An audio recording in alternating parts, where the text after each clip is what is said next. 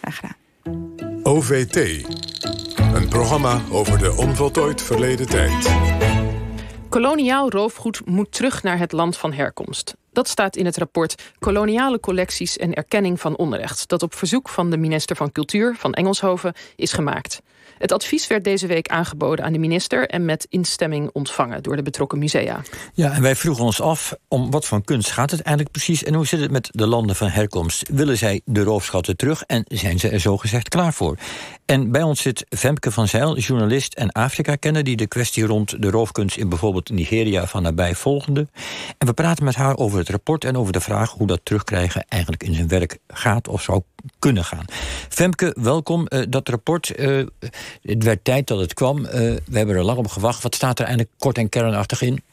Um, kort en kernachtig staat erin dat als een voormalige kolonie erom vraagt dat we uh, het moeten teruggeven. Dat we daar heel land mee moeten zijn. En dat we gewoon moeten zeggen, geen voorwaarden, terug die handel. Um, maar dat is wanneer het heel duidelijk is dat het om geroofde, niet vrijwillig afgestaande kunst- en cultuurgoederen gaat. Want het is natuurlijk niet alleen maar kunst. Um, als het niet van onze eigen voormalige kolonies gaat, dan is het wat ingewikkelder. Dan gelden er allerlei extra toetspunten. Maar uh, in principe uh, zegt de commissie: het is geen kwestie van recht. Want volgens het recht, dit is al lang verjaard. Dus we hebben het weliswaar gestolen, maar goed, het is al zo lang geleden. Maar het gaat echt om de ethische kwestie. Dit is puur een ethische kwestie. En het is onderhand tijd, want het rapport is in een jaar gemaakt. Dat is dus vrij snel. Maar sinds de onafhankelijkheid vragen al de voormalige kolonies van allerlei landen vragen al om teruggave. En dat is jaren 50, 60. Dus wat dat betreft werd het onderhand ook hoog tijd. Wel de tijd. En gaat het dan ook zover dat het naast de intentieverklaring ook want hoe is, hoe, hoe is het bedacht? Een land vraagt om iets, die zegt we willen het terug, ja. we willen die speer terug, we willen die, die kroon terug. En dan komen wij in actie? Of hoe, hoe, wat is de gedachte? Ja, dat is één kant. Aan de andere kant um, moet er ook een expertisecentrum worden opgericht... die de herkomst van een hele hoop kunst uh, na moet gaan. Uh, het Nationale Museum van Wereldculturen bijvoorbeeld... die heeft geïnventariseerd dat ongeveer 200.000 objecten... meer dan 200.000 objecten van een koloniale achtergrond is. Dat is de helft van de collectie. Maar dat kan dus wel even duren als je dat allemaal moet onderzoeken. Ja, dus vandaar van beide kanten. Dus als het land erom vraagt, prima. Maar uh, aan, aan onze kant moet er alvast ook een inventarisatie gemaakt worden... van dit hebben we allemaal. Ja, en, en is er nou in onze musea ook uh, ja, is er veel roofkunst te zien uit onze voormalige koloniën? Kan je, kan je wat voorbeelden geven? Ja, nou ja, die 200.000, meer dan 200.000 objecten van die drie musea uh, die ik al noemde.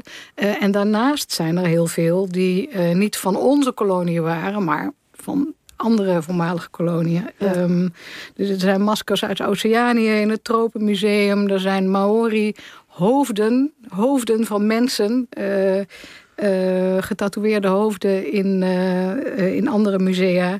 Congolese objecten. Um, niet zo lang geleden, in september, uh, ging de activist Mwazulu Diabanza... die ging naar het Afrika Museum.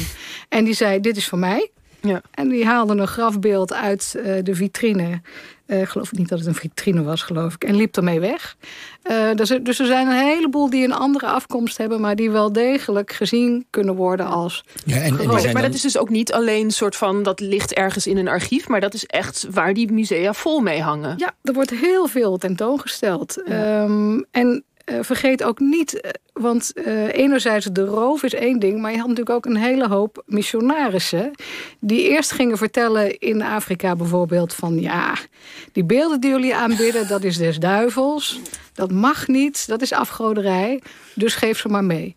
Inmiddels was de lokale bevolking daarvan overtuigd, want bekeerd christen.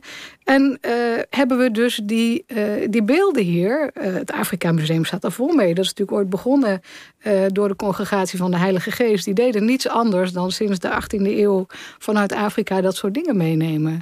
En dan wordt de discussie alweer wat ingewikkelder, want ja, ze hebben gezegd: nee, doe maar weg die duivelse dingen. Maar uh, die objecten zijn wel degelijk uh, hier gekomen. Nou, zal ik maar zeggen, onder valse voorwenselen. Dus, er zijn, dus er zijn nog best wel wat vragen te beantwoorden ja, daarin. En, en, nu heb jij uh, met name jezelf ook bezig gehouden met geroofde kunst uh, uit, uh, het, uit Nigeria, uit het voormalig koninkrijk Benin. En er schijnen in het Leids, uh, voormalig uh, Leids Museum voor Volkenkunde... wat nu onderdeel is van dat museum met, uh, hoe heet het weer eens? Het Wereldmuseum of het, zo. Ja, het Wereldmuseum. Ja. Museum voor Volkenkunde heet het nog steeds. Dankjewel. Ja. en daar, daar zijn iets van 50 of 60 van die Benin-beeldjes. daar heb jij je mee bezig gehouden. Wat, wat, wat, zijn dat voor beeldjes? Waar hebben we het dan over? Ja, het zijn niet alleen beeldjes. Um, in 1897 vielen de Britten Benin binnen... en moet je dit niet verwarren met de Republiek Benin nu... maar dat was een, um, uh, een stadstaat, een hoogontwikkelde stadstaat in, in Nigeria... in het zuiden van Nigeria... Uh, waarvan de koning, de oba, eigenwijs was... en die wilde zich niet onderwerpen aan de Britten. Dus toen zeiden de Britten niet goed schiks, dan maar kwaadschiks. Dus er is een enorm bloedbad aangericht. En uh, het paleis werd geplunderd. En dat paleis stond vol met um, artefacts. Niet alleen maar beelden, maar ook uh, plaquettes. Uh, bronzen plaquettes die eigenlijk... Natuurlijk zien ze er mooi uit, maar het was meer een soort geschiedschrijving. Het was eigenlijk de bibliotheek werd leeggeroofd, zal ik maar zeggen. En die is vervolgens, uh, die hele uh, geroofde collectie is vervolgens geveild om, cynisch genoeg, uh, die, uh, die expeditie van de Britten te betalen. Dus ze hebben nog eens een keer met hun eigen geroofde spullen... hebben ze hun eigen plundering moeten betalen. En die zijn over de hele wereld terechtgekomen... Um, en uh, onder andere in Leiden dus, in Londen, um, in Duitsland, op, in Wenen, op, op, op heel veel verschillende plekken. Ja, en jij bent daar geweest, je hebt daar een artikel over geschreven. Men wil het terug. Leeft het daar echt, dat, dat men het terug wil? Ja, Kun je daar ja. wat over vertellen? De koning, de oba van Benin, is uh, niet alleen een rituele koning nog steeds... maar heeft eigenlijk bijvoorbeeld meer macht dan onze Willem-Alexander. Uh, want in zaken om landkwesties bijvoorbeeld... gaat hij vaak over van wie is het land. Want uh, het land is van de autochtonen. Dus daar heeft hij zeker beslissingsrecht. Bovendien uh, geloven veel mensen in Benin nog altijd... deze koning is een stapje hoger dan een gewoon mens. Zit ergens tussen een mens en, en, en een godheid in... Uh, en die is enorm belangrijk. Uh, toen de koning gekroond werd, de nieuwe koning gekroond werd in 2016, was ik daar. En dan wordt op het moment van de kroning wordt pas de nieuwe naam van de koning bekendgemaakt, de Oba. En dat was uh. En Ewurare de tweede. En ik was, uh, toen dat bekend werd gemaakt, ging er echt op straat onder de mensen zo'n golf van, oh wauw. En iedereen kon mij vertellen, ja, dat is een verwijzing naar Eouware de Eerste uit de 13e eeuw. Gewoon kinderen hè, op straat die je dat kunnen vertellen. Nou, hoeveel Nederlanders kunnen de graven van Holland uit de 13e eeuw zo opzeggen? Daar zou je nog wel eens in kunnen vergissen. Maar, de, maar die, die, die Oba, die koning, die zegt dus, uh, ik, wij willen die spullen terug. We willen die ja. beelden terug, we willen die plaquettes terug. En, en dat, dat vindt een brede basis omdat iedereen die geschiedenis kent. Ja. ja. En, en nu kan de koning het terug willen, maar een koning is toch ook maar gewoon een koning, ook al is hij iets meer dan Willem-Alexander. Wie, wie, moet het echt terugvragen in dit soort gevallen? Moet nou, dat de overheid doen, de staat? Is of? het ook echt uh, de koning? Dit, dit proces is ook al, loopt ook al veel langer. Omdat het zo duidelijk is dat de koning een afstammeling is... van degene van wie het gestolen is. Dat was namelijk een voorgaande koning.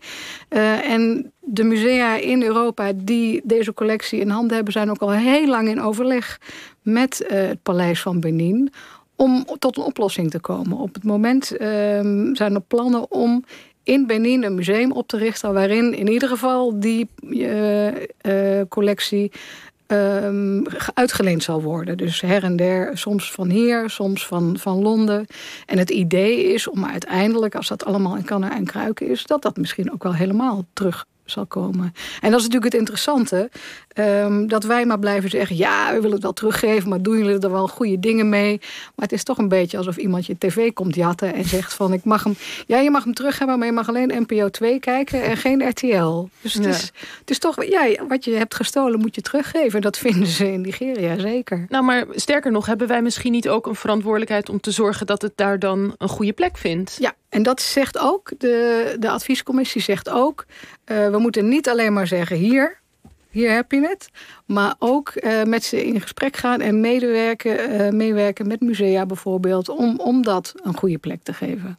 Ja, en, en um, wat betekent dit toch nog eventjes heel erg vanuit Nederland gedacht? Een beetje zelfzuchtig. Maar wat betekent dit rapport nou straks als het beleid wordt? Je zegt het zijn honderden duizenden objecten. Zijn straks onze musea leeg? Of hoe, nee, hoe, hoe zie je dat voor je? zal het niet lopen. Uh, Indonesië heeft zelf al een enorme collectie. Ik vraag me af of die alles terug willen. Bovendien, dan heb je nog altijd de helft over. Daar staat natuurlijk enorm veel in, in depot hè, in de Nederlandse musea. En bovendien zijn er dan ook hele interessante uh, links met musea, bijvoorbeeld in Afrika, waardoor uh, ook het cultuurgoed veel meer gaat leven. En uh, dat is misschien wel een bijkomend voordeel. Je hoeft het niet alleen maar als een nadeel te zien. Misschien maar, willen maar, ze dan ook liever iets aan ons uitlenen af en toe. Als we, als, als we dingen dat teruggeven. We terug mogen om te laten zien hoe wij destijds de boel gekoloniseerd hebben, bij wijze van spreken. Maar even nog één, één klein vraagje, dat kan nog net eventjes, denk ik, is... Uh, ik kan me namelijk voorstellen, want je hebt natuurlijk mensen die zeggen... ja, maar dat kan niet, want ze hebben daar de boel niet voor elkaar... en dan gaat de boel naar de donder. Uh, hebben wij ook daar een verantwoording om te zorgen dat... Uh, er goede bewaarplekken zijn, dat er goede conserveringsmiddelen, uh, et cetera, zijn. Hoe ja, dat, dat, is dus ook wat uh, de commissie zegt. Maar je moet wel in de gaten houden. Kijk, wij willen die dingen in een museum hebben. Maar in Benin zeggen ze bijvoorbeeld van... ja, maar dit was geen museum, dit was ons archief. Dit was de, de, de Rijksbibliotheek. Of uh, dit waren objecten die hadden een, een rituele waarde. Die willen wij niet uh, zomaar in het museum zetten. Dus we moeten wel niet weer onze eigen ideeën van hoe het zou moeten... opleggen aan het land waar we het uh, terecht aan retourneren. Ja, oké, duidelijk. Nou, Femke van Zel, bedankt.